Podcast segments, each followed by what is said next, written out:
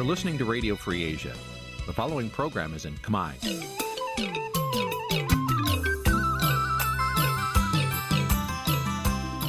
Nǐ chi càm bi tiệp xáy vệt chiu a zì sáy. នេះជាកម្មវិធីផ្សាយរបស់ Vithu Azisari ជាភាសាខ្មែរ វត្តឈូអាស៊ីសេរីសូមស្វាគមន៍លោកអ្នកនាងទាំងអស់ពីរដ្ឋធានី Washington នៃសហរដ្ឋអាមេរិក ចាប់ផ្សាយផ្ទាល់ពីរដ្ឋធានី Washington នាងខ្ញុំសុជីវីសូមជម្រាបសួរលោកអ្នកនាងអ្នកស្ដាប់ Vithu Azisari ទាំងអស់ជាទីមេត្រីយើខ្ញុំសូមជូនកម្មវិធីផ្សាយសម្រាប់យប់ថ្ងៃពុធចាត់13រោចខែបោះឆ្នាំថោះបញ្ញស័កពុរសករាជ2567ចាត់ដែលត្រូវនៅថ្ងៃទី7ខែកុម្ភៈគ្រិស្តសករាជ2024ជាដំបូងនេះសូមអញ្ជើញលោកអ្នកនាងស្ដាប់ព័ត៌មានប្រចាំថ្ងៃដែលមានមេត្តាដូចតទៅ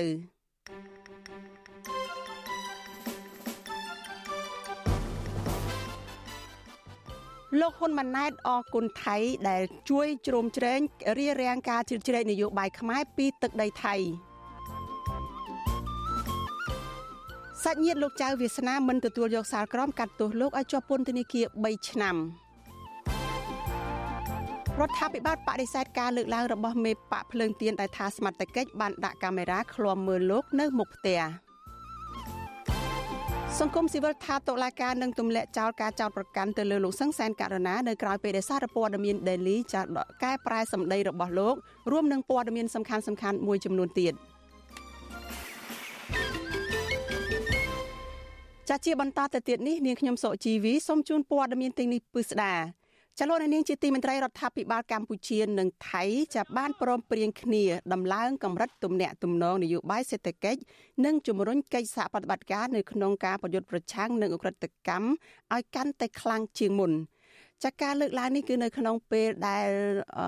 លោកនាយរដ្ឋមន្ត្រីហ៊ុនម៉ាណែតចាកំពុងតែបានធ្វើទស្សនកិច្ចទៅប្រទេសថៃនៅថ្ងៃនេះ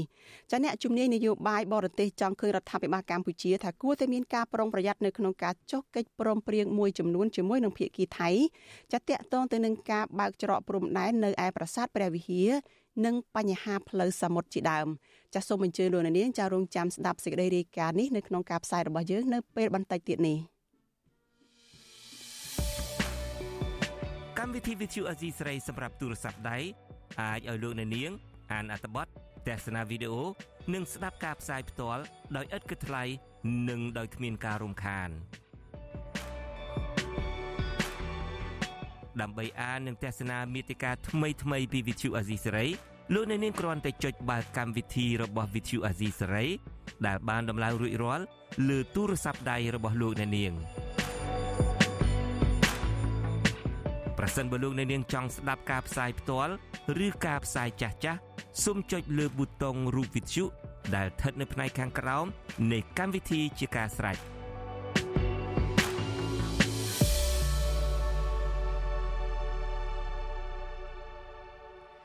ចាលោកនាងកញ្ញាជាទីមេត្រីចាព័ត៌មានដំបូងនៅក្នុងកម្មវិធីផ្សាយព័ត៌មានរបស់ Vithu Azizi សេរីនៅយប់នេះចាតកតងនឹងរឿងក្តីក្តាំរបស់មន្ត្រីគណៈបកប្រឆាំងនៅឯខេត្តបន្ទាយមានជ័យចាសាច់ញាតិរបស់លោកចៅវិស្នាថាមិនទទួលយកសាលក្រមសាលាដំបងខេត្តបន្ទាយមានជ័យដែលសម្រេចផ្ដន់ទាទោសលោកចៅវិស្នាទាំងអយុត្តិធម៌ ចាការលើកឡើងនេះក្រោយពេលដែលសាលាដំបងនៅក្នុងខេត្តបន្ទាយមានជ័យចាំបានប្រកាសសាលក្រមសម្រាប់ដាក់ពន្ធនាគារមន្ត្រីគណៈបកភ្លើងទៀនលោកចៅវាសនាឲ្យជាប់ពន្ធនាគាររយៈពេល3ឆ្នាំពីបទញុះញង់ឲ្យប្រព្រឹត្តបទឧក្រិដ្ឋជាអាត និងញុះញង់ឲ្យមានការរើសអើងចាសសូមស្ដាប់សេចក្តីរាយការណ៍របស់លោកមានរិទ្ធអំពីរឿងនេះកូនស្រីរបស់លោកចៅវាសនាគឺអ្នកស្រីចៅរតនាប្រាវិសុវស៊ីស្រីនៅថ្ងៃទី7ខែកុម្ភៈថា អ្នកស្រីមិនអាចទទួលយកការសម្រេចរបស់សាលាដំបងខេត្តបន្ទាយមានជ័យបានទេអ្នកស្រីបន្តថាការចោទប្រកាន់របស់តុលាការគឺសំអាងទៅលើការនិយាយឆ្លើយឆ្លងគ្នារបស់ឪពុកអ្នកស្រីក៏ប៉ុន្តែការឆ្លើយឆ្លងនោះឪពុកអ្នកស្រីមិនបាននិយាយជាសាធារណៈជំរុញឲ្យពលរដ្ឋណាម្នាក់គូសខ្វែងស្លឹកឆ្នោតចោលនោះទេឪពុក ខ្ញុំមកតសប្ថ្ងៃនេះខ្ញុំអត់ឃើញតឡាការបង្ហាញផុសតាមមួយដែលមួយណាដែលយល់ថាឪពុកខ្ញុំបានផ្សព្វផ្សាយជាសាធារណៈដោយសារតែលើកទី1ដែលគាត់លើកឡើងពីរឿងក្រុម Telegram សបាយប៉ុន្តែឪពុកខ្ញុំបានអះអាងរួចហើយគាត់អត់មានសមាជិកនៅក្នុងក្រុមនឹងទេប៉ុន្តែអ្នកដែលផ្សព្វផ្សាយហេតុអីមិនយកអ្នកដែលផ្សព្វផ្សាយនឹងយកមកសួរផងមិនបានយកតែឪពុកខ្ញុំដែលមិនមែនមិនមែនជាអ្នកផ្សព្វផ្សាយថៃទៅបាត់តែឪពុកខ្ញុំទោះបីនិយាយអីក៏ដោយជារឿងឯកជនអានេះអត់មានច្បាប់ណាគេហាមទេព្រោះមនុស្សម្នាក់ម្នាក់មានសិទ្ធិឯកជនរៀងៗខ្លួនប៉ុន្តែអ្នកដែលផ្សព្វផ្សាយនោះទៅជាបុគ្គលដែលញុះញង់ពិតប្រាកដអ្នកស្រីចៅរតនាយល់ឃើញថាការផ្ដន់ទាទោសឪពុករបស់អ្នកស្រីនេះគឺជារឿងនយោបាយ ហើយក្រុមគ្រួសារនឹងដាក់ពាក្យប្តឹងជំទាស់ទៅកាន់សាលាឧទ្ធរបន្តទៀតដើម្បីស្វែងរកយុត្តិធម៌ជូនឪពុកប៉ុន្តែពួកខ្ញុំដែលជាសាច់ញាតិក៏នៅតែមិនសុខចិត្តនៅតែទៀមទាដោយសារខ្ញុំទទួលស្គាល់ថាការទៀមទារកយុត្តិធម៌សម្រាប់គណៈបពប្រឆាំងគឺសឹងនឹងលែងមានសឹងនឹងលែងមានព្រោះយើងអត់មានប្រវត្តិសាស្ត្រទេចាអត់មានសោះតែហ្មងប៉ុន្តែក្តីសង្ឃឹមដោយខ្ញុំតែងតែជម្រាបនៅសារព័ត៌មានទាំងអស់ ក្នុងនាមយើងជាអ្នកនយោបាយក្នុងនាមយើងជាអ្នកតស៊ូនៅក្នុងសង្គមប្រជាធិបតេយ្យត្រូវតែមានសង្ឃឹមទូ3%វាតិចតួចស្ដួចស្ដើងសឹងនឹងមិនមានសម្រាប់ពួកខ្ញុំក្នុងគណៈបកប្រឆាំងក៏ដោយតឡាការខេត្តបន្ទាយមានជ័យនៅថ្ងៃទី7ខែកុម្ភៈបានប្រកាសសារក្រមលើសំណុំរឿងរបស់ប្រធានគណៈបកភ្លើងទៀនក្រុងប៉ោយប៉ែតលោកចៅវាសនាដែលផ្ដន្ទាទោសលោកឲ្យជាប់ពន្ធនាគាររយៈពេល3ឆ្នាំនិងពិន័យជាប្រាក់ចំនួន6លានរៀល ហើយត្រូវសងសំណងដើមបណ្ដឹងរដ្ឋបវេនីចំនួន80លានរៀលឬប្រមាណ20,000ដុល្លារសារក្រមនេះក៏បានដកហូតសិទ្ធិបោះឆ្នោត និងសិទ្ធិចូលឈ្មោះឲ្យគេបោះឆ្នោតឲ្យរបស់លោកចៅវាសនា រយៈពេល5ឆ្នាំ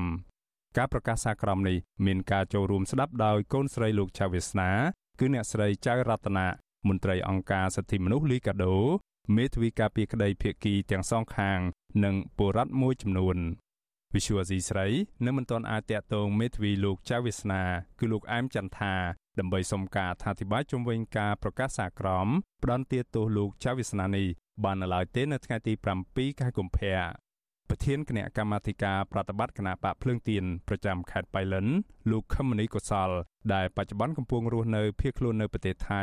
ថ្កោលទោសតុលាការនៅក្នុងរបបដឹកនាំដោយលោកនាយរដ្ឋមន្ត្រីហ៊ុនម៉ាណែតថារដ្ឋាភិបាល នៅតែបន្តប្រើប្រាស់ប្រព័ន្ធតុលាការដើម្បីធ្វើទុកបុកម្នេញមកលើថ្នាក់ដឹកនាំគណៈបកប្រឆាំង ករណីការកាត់ទោសលោកចៅវាសនាដែលជាសហការីរបស់ខ្ញុំនៅក្នុងគណៈបកភ្លើងទៀនជាពិសេសគាត់ក៏ជាគណៈកម្មការនយោបាយរបស់គណៈបកភ្លើងទៀននេះវាបង្ហាញឲ្យឃើញអំពីភាពអយុត្តិធម៌របស់សង្គមនៃការដឹកនាំរបស់រដ្ឋាភិបាលលោកហ៊ុនម៉ាណែតហ្នឹងហើយក៏វាឆ្លើយតបឲ្យឃើញថាតុលាការរបស់របបក្រុងភ្នំពេញសពថ្ងៃនេះវានៅតែជាឧបករណ៍ប្រើប្រាស់ របស់អ្នកនយោបាយដើម្បីយកមកកម្ចាត់កម្ចាយនិងធ្វើបាបទៅដល់អ្នកប្រជាធិបតេយ្យដែលកំពុងតែមានវត្តមាននៅក្នុងប្រទេសកម្ពុជាអាញាធរខេត្តបន្ទាយមានជ័យបានចាប់ខ្លួនប្រធានគណៈបកភ្លើងទៀនក្រុងប៉ោយប៉ែតលោកចៅវាសនាដែលមានដើមកំណត់ខ្មែរក្រោមកាលពីថ្ងៃទី23ខែកក្កដាឆ្នាំ2023កន្លងទៅក្រុមការចាត់ប្រកាន់ពីតុលាការពីបទញុះញង់ឲ្យប្រព្រឹត្តបទអក្រិតជាអាតនិងញុះញង់ឲ្យមានការរើសអើង ពាក់ព័ន្ធនឹងរឿងរ៉ាវនៃការធ្វើយុទ្ធនាការឲ្យបុរដ្ឋគូខ្វែងស្លឹកឆ្នោតអាញាធរបានបញ្ជូនលោកចៅវាសនាទៅឃុំខ្លួននៅក្នុងពន្ធនាគារខណ្ឌនេះកាលពីថ្ងៃទី25ខែកក្កដាឆ្នាំ2023 លោកចៅវាសនាធ្លាប់ត្រូវបានតុលាការខេត្តបន្ទាយមានជ័យកាត់ទោសឲ្យជាប់ពន្ធនាគារម្ដងរួចមកហើយពីបទញុះញង់និងបានចេញពីពន្ធនាគារវិញកាលពីដើមឆ្នាំ2022បន្ទាប់ពីលោកបានអនុវត្តទោសគ្រប់ចំនួនរយៈពេល5ឆ្នាំពេញនៅក្នុងពន្ធនាគារ កន្លងទៅសាច់ញាតិសកម្មជនបពប្រឆាំងនិងមន្ត្រីអង្គការសង្គមស៊ីវិលចាត់ទុកការចាប់ខ្លួនការឃុំខ្លួននិងការសម្រេចផ្ដន្ទាទោសលោកចៅវាសនា ថាជាការធ្វើទុកបុកម្នេញផ្នែកនយោបាយមកលើសកម្មជនគណៈបពប្រឆាំងខ្ញុំបានមេរិត Visual Asia ស្រីពីរដ្ឋធានី Washington ចាលោកនាងកញ្ញាជាទីមេត្រីចាព័ត៌មានតកតងនឹងមន្ត្រីគណៈបកភ្លើងទៀននេះដែរ ចាអ្នកនាំពាក្យរដ្ឋាភិបាលច្រានចោលការលើកឡើងរបស់ប្រធានគណៈបកភ្លើងទៀនដែលបានប្រាប់សារព័ត៌មានជប៉ុនថារដ្ឋាភិបាលបានដាក់ឧបករណ៍ថតរូបឬកាមេរ៉ាឃ្លាំមើលនៅតាមមុខផ្ទះរបស់ថ្នាក់ដឹកនាំគណៈបកប្រឆាំងនិងថាការដឹកនាំរបស់លោកហ៊ុនម៉ាណែតគឺកាន់តែអាក្រក់ដោយមានការចាប់ឃុំខ្លួនអ្នកនយោបាយបកប្រឆាំងជាបន្តបន្ទាប់ចាអ្នកវិភាគយល់ឃើញថាការបកស្រាយនេះគឺរដ្ឋាភិបាលមិនអាចលុបលាងគេឈ្មោះអាក្រក់បានទេ ប្រសិនបើមិនបញ្ឈប់ការគៀបសង្កត់ទៅលើថ្នាក់ដឹកនាំគណៈបកប្រឆាំងនិងមិនព្រមស្ដារលទ្ធិប្រជាធិបតេយ្យឡើងវិញទេនោះចាលោកថាថៃមានសេចក្តីរាយការណ៍អំពីរឿងនេះជូនលោកអ្នកនាងដូចតទៅអ្នកនាំពាក្យរដ្ឋាភិបាលលើកឡើងក្នុងសេចក្តីថ្លែងការណ៍នៅថ្ងៃទី7ខែកុម្ភៈថាគ្មានការដាក់កាមេរ៉ាដើម្បីឃ្លាំមើលសកម្មភាពរបស់ប្រធានគណៈបកភ្លឹងទៀនលោកទាវវណ្ណុល24ម៉ោងឡើយអ្នកនាំពាក្យរដ្ឋាភិបាលអះអាងថាការដាក់កាមេរ៉ានានានៅតាមទីសាធារណៈនិងនៅរាជធានីភ្នំពេញ គឺក្រមមូលហេតុរក្សាសន្តិសុខសុវត្ថិភាពនិងសន្តិភាពសាធារណៈនិងចរាចរណ៍ជូនប្រជាពលរដ្ឋទូទៅតែប៉ុណ្ណោះអ្នកនាំពាក្យរដ្ឋាភិបាលបន្តថាចំពោះការអនុវត្តច្បាប់លើអ្នកនយោបាយបកប្រឆាំងកន្លងមកគឺដោយសារពួកគេប្រព្រឹត្តខុសច្បាប់អ្នកនាំពាក្យរដ្ឋាភិបាលចាត់ទុកការលើកឡើងរបស់លោកទាវវណ្ណុលថាមានចេតនាអាក្រក់ដើម្បីបង្ខូចកេរ្តិ៍ឈ្មោះរដ្ឋាភិបាលប្រតិកម្មរបស់អ្នកនាំពាក្យរដ្ឋាភិបាលបែបនេះគឺបន្ទាប់ពីលោកទាវវណ្ណុលបានផ្ដល់បទសម្ភាសន៍ដល់សារព័ត៌មានជប៉ុន Nikkei Asia កាលពីថ្ងៃទី5កុម្ភៈថា គ្មានប្រជាធិបតេយ្យទេនៅកម្ពុជាមេបកប្រឆាំងរូបនេះថ្លែងថាចាប់តាំងពីឡើងកាន់អំណាចមកលោកហ៊ុនម៉ាណែតបានរឹតបន្តឹងការគ្រប់គ្រងលើគូប្រកួតប្រជែងកាន់តែខ្លាំងបើប្រៀបធៀបនឹងឪពុករបស់លោកគឺលោកហ៊ុនសែនលោកទេវណុលអះអាងថារដ្ឋាភិបាលថ្មីបានគម្រាមកំហែងនឹងចាប់ខ្លួនអ្នកនយោបាយបកប្រឆាំងជាបន្តបន្ទាប់ហើយសូម្បីតែរូបលោកនិងថ្នាក់ដឹកនាំបកប្រឆាំងជាច្រើនអ្នកផ្សេងទៀតក៏ត្រូវបានគេតាមដានដោយកាមេរ៉ា24ម៉ោងដែរការលើកឡើងរបស់លោកទេវណុលនេះ ក្នុងពេលលោកទៅបំពេញទស្សនកិច្ចក្នុងប្រទេសជប៉ុនរយៈពេល6ថ្ងៃពីថ្ងៃទី2ដល់ថ្ងៃទី7កុម្ភៈនៅទីនោះលោកបានជួបអ្នកគាំទ្រនិងបានជួបជាមួយសមាជិកសភាជប៉ុននិងមន្ត្រីក្រសួងការបរទេសជប៉ុនក្នុងបំណងស្វែងរកការគាំទ្រពីរដ្ឋាភិបាលជប៉ុនឲ្យជួយអន្តរាគមន៍ទៅរដ្ឋាភិបាលកម្ពុជាឲ្យបើកលំហប្រជាធិបតេយ្យនិងការគោរពសិទ្ធិមនុស្សជុំវិញរឿងនេះវិទ្យុអាស៊ីសេរីមិនទាន់អាចសុំការឆ្លើយតបបន្ថែមពីលោកទេវណ្ណុលបានទេនៅថ្ងៃទី7ខែកុម្ភៈ ដោយសារលោកកំពុងជាប់ធ្វើដំណើរតាមយន្តហោះពីប្រទេសជប៉ុនទៅកម្ពុជាវិញកន្លងមកអតីតអនុប្រធានគណៈបកភ្លើងទៀននិងបច្ចុប្បន្នជាអនុប្រធានគណៈបកឆន្ទៈខ្មែរលោកសុនឆៃក៏ធ្លាប់អះអាងថាអាញាធរបានដាក់កាមេរ៉ាតាមដានសកម្មភាពលោកដែរស្រដៀងគ្នានេះអតីតអ្នកនាំពាក្យគណៈបកភ្លើងទៀននិងបច្ចុប្បន្នជាសមាជិកជាន់ខ្ពស់គណៈបកឆន្ទៈខ្មែរលោកគឹមសូភិរិទ្ធមានប្រសាសន៍ថាបើទោះបីជាអ្នកនាំពាក្យរដ្ឋាភិបាលព្យាយាមបកស្រាយបែបណាក៏ដោយ ក៏ប៉ុន្តែក្រោយពេលគណៈបកភ្លើងទៀនត្រូវបានរៀបរៀងមិនឲ្យចូលរួមការបោះឆ្នោតស្រាប់តែអាជ្ញាធរដើរបំពាក់កាមេរ៉ានៅតាមមុខផ្ទះរបស់ថ្នាក់ដឹកនាំគណៈបកភ្លើងទៀនរួមទាំងផ្ទះរបស់លោកដែរក្នុងពេលព្រមព្រំគ្នាលោកបញ្ជាក់ថាកាមេរ៉ាទាំងនោះដាក់ចាប់យករូបភាពតែនៅមុខផ្ទះរបស់ថ្នាក់ដឹកនាំគណៈបកប្រឆាំងប៉ុណ្ណោះដោយមិនបានចាប់យករូបភាពតាមបណ្ដោយផ្លូវហើយនៅមុខផ្ទះប្រជាពលរដ្ឋផ្សេងទៀតនោះទេ គឺថាដើម្បីសុវត្ថិភាពឥឡូវគឺនិយាយបញ្ហាពិតចាប់តាមមុខផ្ទះតែដឹកនាំទាំងអស់រួមតែខ្ញុំដែរអានេះខ្ញុំសូមគាត់បញ្ជាក់ប្រាប់ការពិតហើយត្រង់ថាជាសត្វតៃនឹងលេខចុះឬលាក់ចុះទៅដោយការនិយាយនឹងគិតថាវាមិនត្រឹមត្រូវប៉ុន្តែការពិតវានៅតែការពិតព្រោះអីរឿងទៀតត្រូវបានគេអនុញ្ញាតឲ្យចូលរួមការបោះឆ្នោតអានេះវាបង្ហាញឃើញថាវាមិនមែនជាប្រជាធិបតេយ្យពេញលេញទៅហើយណាហើយ ការចោទប្រកាន់ចាប់កម្មជនដែលអពលជាមួយចំនួនហើយមួយចំនួនហ្នឹងគឺក៏វាបង្ហាញពីការរឹតបន្តឹងសេរីភាពនយោបាយក៏ដូចសេរីភាពក្នុងការនិយាយស្ដីមកផ្នែកទៀតហើយរដ្ឋាភិបាលតែងបកស្រាយថាការបំបិតសិទ្ធិសេរីភាពនិងការចាប់ខ្លួនអ្នកនយោបាយបកប្រឆាំងរួមទាំងអ្នករិះគន់ផងថាជាការពង្រឹងនីតិរដ្ឋនិងលទ្ធិប្រជាធិបតេយ្យក៏ប៉ុន្តែអ្នកខ្លាំមើលយល់ថានេះគឺជាការបកស្រាយបំពេញការពិតព្រោះមិនមានប្រទេសប្រជាធិបតេយ្យណាមួយនៅលើពិភពលោក ចាប់អ្នកនយោបាយដាក់គុកឥតឈប់ឈរដោយសារការបញ្ចេញមតិនិងការធ្វើសកម្មភាពនយោបាយដូចនៅកម្ពុជាឡើយអ្នកវិភាគនយោបាយលោកកឹមសុខនិយាយថាការព្យាយាមបកស្រាយរបស់អ្នកនាំពាក្យរដ្ឋាភិបាលមិនអាចជួយលុបលាងទង្វើអាក្រក់របស់រដ្ឋាភិបាលបានទេលោកយល់ថាការដាក់កាមេរ៉ាដើម្បីតាមដានសកម្មភាពរបស់លោកទេវណ្ណុលនិងថ្នាក់ដឹកនាំបកប្រឆាំងផ្សេងទៀតគឺជាទង្វើបំពានច្បាប់ធ្ងន់ធ្ងរមិនអាចការពារគេឈ្មោះរបស់រដ្ឋាភិបាលបានទេពីព្រោះកាមេរ៉ាសវត្ថិភាពរបស់ រដ្ឋាភិបាលចាប់មិនបានជនទាំងឡាយណាដែលធ្វើបាបមន្ត្រីគណៈបកប្រឆាំងសោះឡើយ មានការវាយសម្ពងការសម្លាប់សកម្មជននិងមន្ត្រីបកប្រឆាំងវាយនៅខាងមុខរដ្ឋសភាវាយសមាជិកសភាជាដើមក៏ប៉ុន្តែកាមេរ៉ាសវត្ថិភាពរបស់រដ្ឋាភិបាលចាប់អត់បានចាប់អ្នកទាំងនោះជួនកាលបានហើយយកទៅដាក់ទោសកំហុសបន្តិចបន្តួច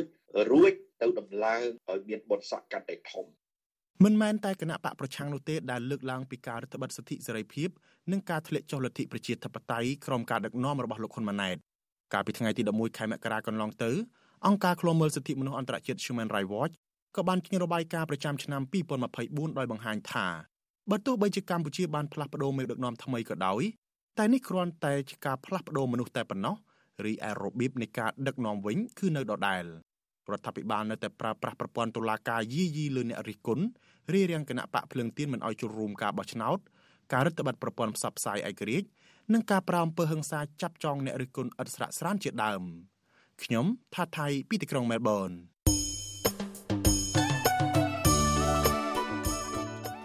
ចាលោកនាងកញ្ញាជាទីមេត្រីដំណើរគ្នានឹងស្ដាប់ការផ្សាយផ្ទាល់របស់ Vithu Azizi សេរីចាតាមរយៈបណ្ដាញសង្គមមួយចំនួនចាមាន Facebook YouTube ចានិង Telegram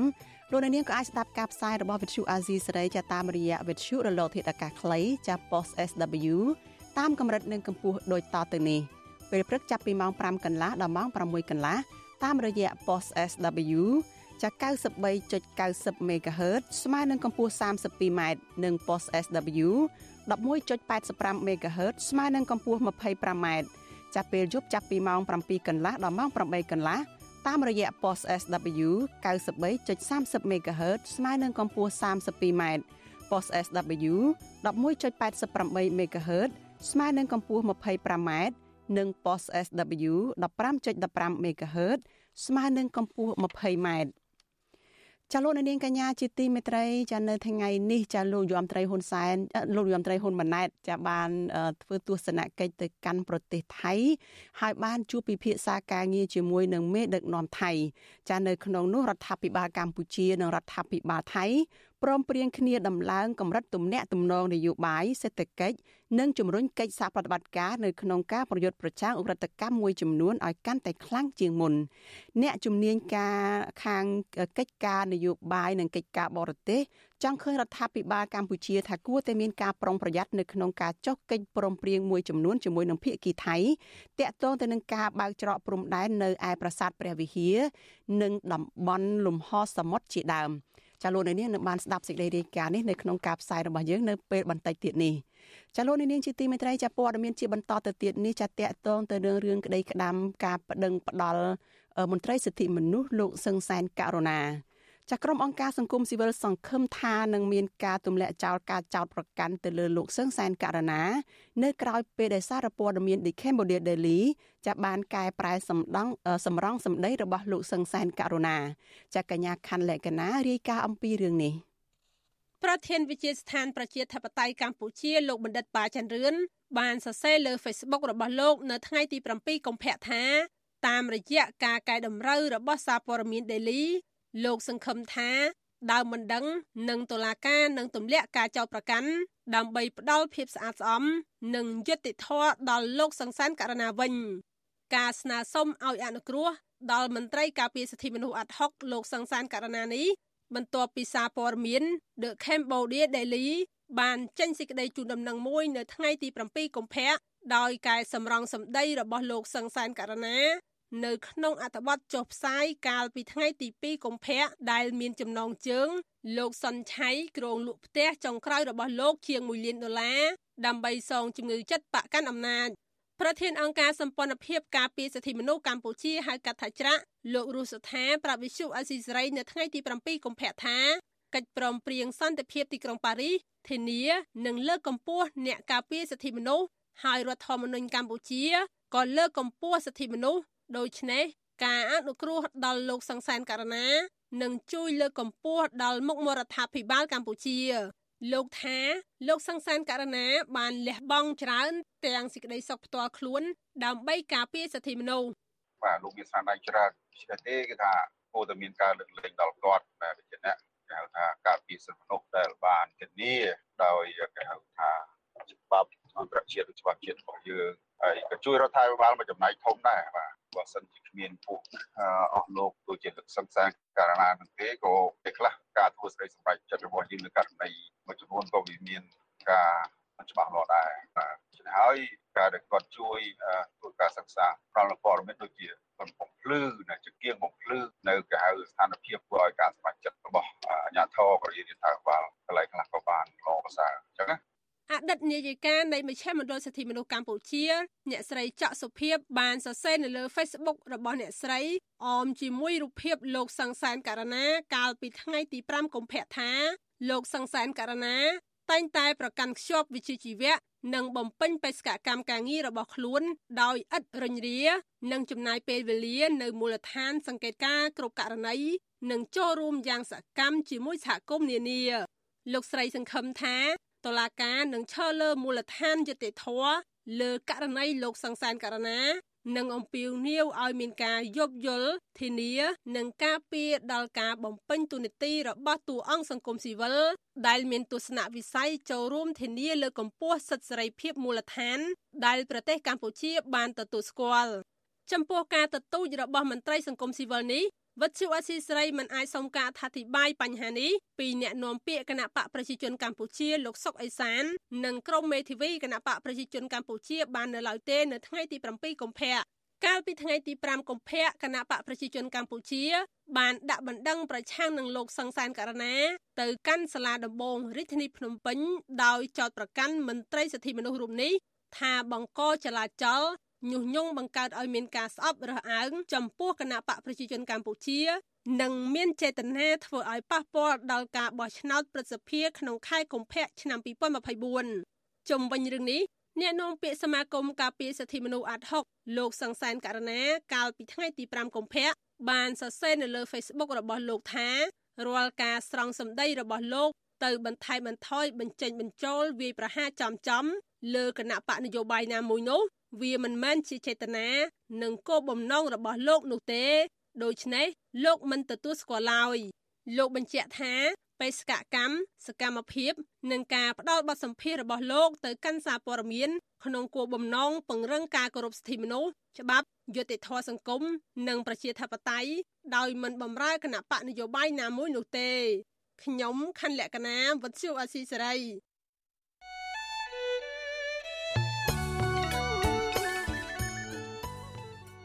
ចាលោកនាងកញ្ញាជាទីមេត្រីចាការផ្សាយរបស់វិទ្យុអាស៊ីសេរីនៅរៀងរាល់ថ្ងៃនេះចាគឺយើងទទួលបានសំណុំពរច្រើនណាស់ពីលោកអ្នកនាងអ្នកស្ដាប់ចាដោយក្នុងនោះអឺលោកអ្នកនាងខ្លះលើកឡើងថាកុំឲ្យវិទ្យុអាស៊ីសេរីនេះចាដាក់ចំណងជើងឲ្យខុសប្លែកពីខ្លឹមសារនៃព័ត៌មានចាហើយក្នុងនោះមានដូចជាការដាក់ចំណងជើងថា Vivo ហើយលោកហ៊ុនសែនត្រូវបានតុលាការព្រហ្មទណ្ឌអន្តរជាតិ ICC យកទៅកាត់ទោសជាដើមក៏ប៉ុន្តែ នៅពេលដែលចុចចូលទៅស្ដាប់គឺមិនលឺនិយាយអំពីរឿងនេះសោះទេចាជាខ្ញុំសូមជម្រាបថាការដាក់ចំណងជើងឲ្យខុសពីខ្លឹមសារនៃព័ត៌មានទាំងនេះគឺជាការឆបោករបស់ក្រុមអ្នកដែលរកស៊ីតាម YouTube ដើម្បីរកលុយតែប៉ុណ្ណោះចាពួកគេលួចយកខ្លឹមសារនៃការផ្សាយរបស់ព័ត៌មាននៃវិទ្យុអាស៊ីសេរីយើងនេះចាទៅកាត់តរួចក៏បដូរចំណងជើង ទៅតាមរបៀបប្លែកប្លែកហួសហេតុខុសពីការពិត នៅក្នុងគោលបំណងដើម្បីតែតាក់ទាញលោកអ្នកនាងកញ្ញាឲ្យចូលទៅចុចស្ដាប់ឬចុចទស្សនាដើម្បីឲ្យបាន view ឬក៏ចំនួនអ្នកទស្សនាច្រើនតែប៉ុណ្ណោះចានៅពេលដែលមានចំនួនអ្នកទស្សនាអ្នកចូលទៅមើលច្រើន ចាគឺពួកគេក៏អាចបោកប្រាស់រកលុយតាមអ៊ីនធឺណិតតាមប្រព័ន្ធ YouTube នេះបានច្រើនផងដែរ។ ចាវិទ្យុអាស៊ីសេរីមិនដែលដាក់ចំណងជើងឲ្យខុសពីខ្លឹមសារនៃព័ត៌មានទេចាលោកនាងកញ្ញាកញ្ញាក៏អាចចូលរួមទប់ស្កាត់ការផ្សព្វផ្សាយព័ត៌មានមិនពិតឬក៏ក្លែងបន្លំនេះបានចាដោយលោកអ្នកនាងឈប់ចូលទៅចុចស្ដាប់ឬក៏ចូលទៅទស្សនាការផ្សាយបែបនោះហើយលោកអ្នកនាងងាកមករកព័ត៌មានពិតប្រាកដរបស់វិទ្យុអាស៊ីសេរីចាដែលផ្សាយតាមរយៈ YouTube របស់ Vithu Azizi សេរីចាតាមរយៈគេតាមរយៈទំព័រ YouTube គឺដែលមានអាសយដ្ឋាន www.youtube.com/rfa ខ្មែរចាសសូមអរគុណ How does a young guy from China with no particular wealth or connections manage to become a billionaire advisor to the Cambodian government in just a few years? That's the question I've been a little bit obsessed with for a while now. When I lived in Cambodia, it was impossible to drive around without seeing signs for the Prince Group everywhere. They've got banks, shopping malls, casinos, high rises. They're one of the biggest conglomerates in the country. Globally, Prince and its executives have more than $1.5 billion in companies ranging from Cuban cigars to California sex toys. But as the company's grown so quickly, it's also been dogged with allegations of criminality. Illegal online gambling, cyber scamming, money laundering, this kind of thing. This is what, for the last three years, I've been investigating. Now, a spokesperson for the company told me that they've been the victims of impersonation, uh, that they deny all the charges. But we've seen evidence. that at least $700 million of Prince Group revenue comes from illegal online gambling rings. Other illegal money seems to have been washed via silly virtual slot machines. And on Cambodia's border with Vietnam, a Prince linked compound appears to be holding enslaved cyber scammers. With the chairman of Prince, an advisor to both the current and former prime ministers of Cambodia, well, it all raises a lot of questions about how this company is continuing to operate.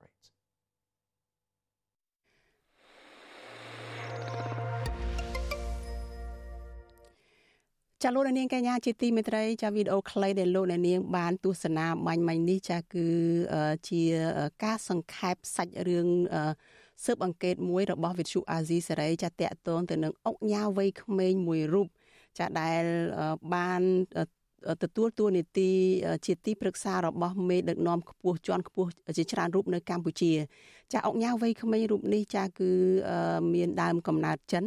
ចាហើយបានទទួលសញ្ជាតិខ្មែរ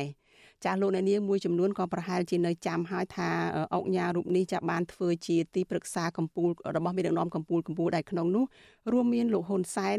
ដែលជាអតីតនាយករដ្ឋមន្ត្រីចានាយករដ្ឋមន្ត្រីបច្ចុប្បន្នគឺលោកហ៊ុនម៉ាណែតអតីតប្រធានសភាជាតិគឺលោកហេងសំរិន និងអតីតរដ្ឋមន្ត្រីក្រសួងមហាផ្ទៃលោកសខេងជាដើមដោយបានទទួលឋានៈស្មើរដ្ឋមន្ត្រីទៀតផងចាអុកញ៉ាវ័យក្មេងរូបនោះគឺលោក Gen Z ចាលោកគឺជាម្ចាស់សម្ព័ន្ធក្រុមហ៊ុន Prince នៅកម្ពុជានឹងអាចពាក់ព័ន្ធនឹងការបើកបនលបែងកាស៊ីណូឈ្មោះថាជីនប៉ៃនៅឯខេត្តប្រសេះហនុចានេះអ្នករាយការណ៍ព័ត៌មានបែបស៊ើបអង្កេតរបស់វិទ្យុអាស៊ីសេរីចាគឺលោក Jack Davy ចាលោកបានចំណាយពេលរហូតដល់ទៅ3ឆ្នាំដើម្បីតាមដានរឿងរ៉ាវរបស់លោក Gen Z នេះហើយលោក Gen Z នេះគឺជា ប្រធានរបស់សម្ព័ន្ធក្រុមហ៊ុនឯកជនមួយឈ្មោះថា Prince Group ចាក្រមប្រព័ន្ធ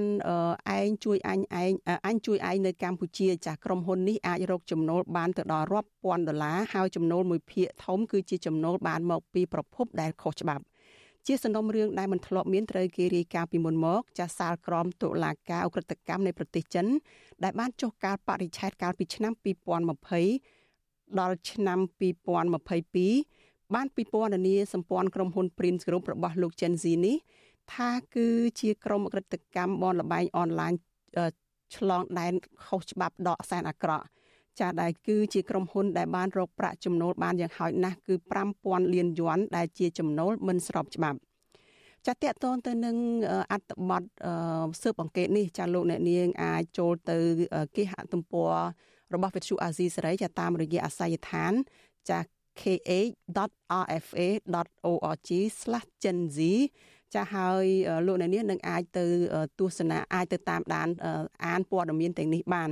ចាហើយយើងក៏មានបង្ហោះអត្ថបទទាំងនេះទាំងស្រុងនៅលើទំព័រ YouTube ចា Facebook Telegram និងអឺបណ្ដាញសង្គម X ឬ Twitter របស់ Vithu Azizi សេរីផងដែរចាសសូមលោកនាងចាកុំភ្លេចចូលទៅតាមដាន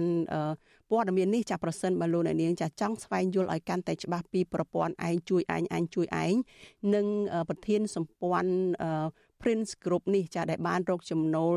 ដល់ច្រើនលើសលប់ហើយបានចំណូលពីប្រភពមិនស្របច្បាប់នៅកម្ពុជានេះ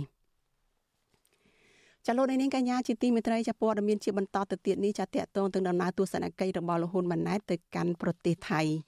ចារដ្ឋាភិបាលកម្ពុជានិងរដ្ឋាភិបាលថៃចាបានព្រមព្រៀងគ្នាដំឡើងកម្រិតទំនាក់ទំនងនយោបាយសេដ្ឋកិច្ច និងជំរុញកិច្ចសហប្រតិបត្តិការនៅក្នុងការប្រយុទ្ធប្រឆាំងនឹងក្រតកម្មមួយចំនួនឲ្យកាន់តែខ្លាំងជាងមុន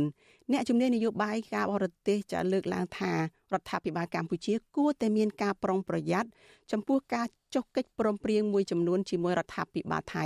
ជាពិសេសគឺកិច្ចព្រមព្រៀងតាក់ទងនឹងការបើកច្រកទ្វារព្រំដែននៅឯប្រាសាទព្រះវិហារនិងតំបន់លំហសមុទ្រជាដើមចាលោកហុំចម្រើនមានសេចក្តីរាយការណ៍អំពីរឿងនេះជូនលោកអ្នកនាងដូចតទៅ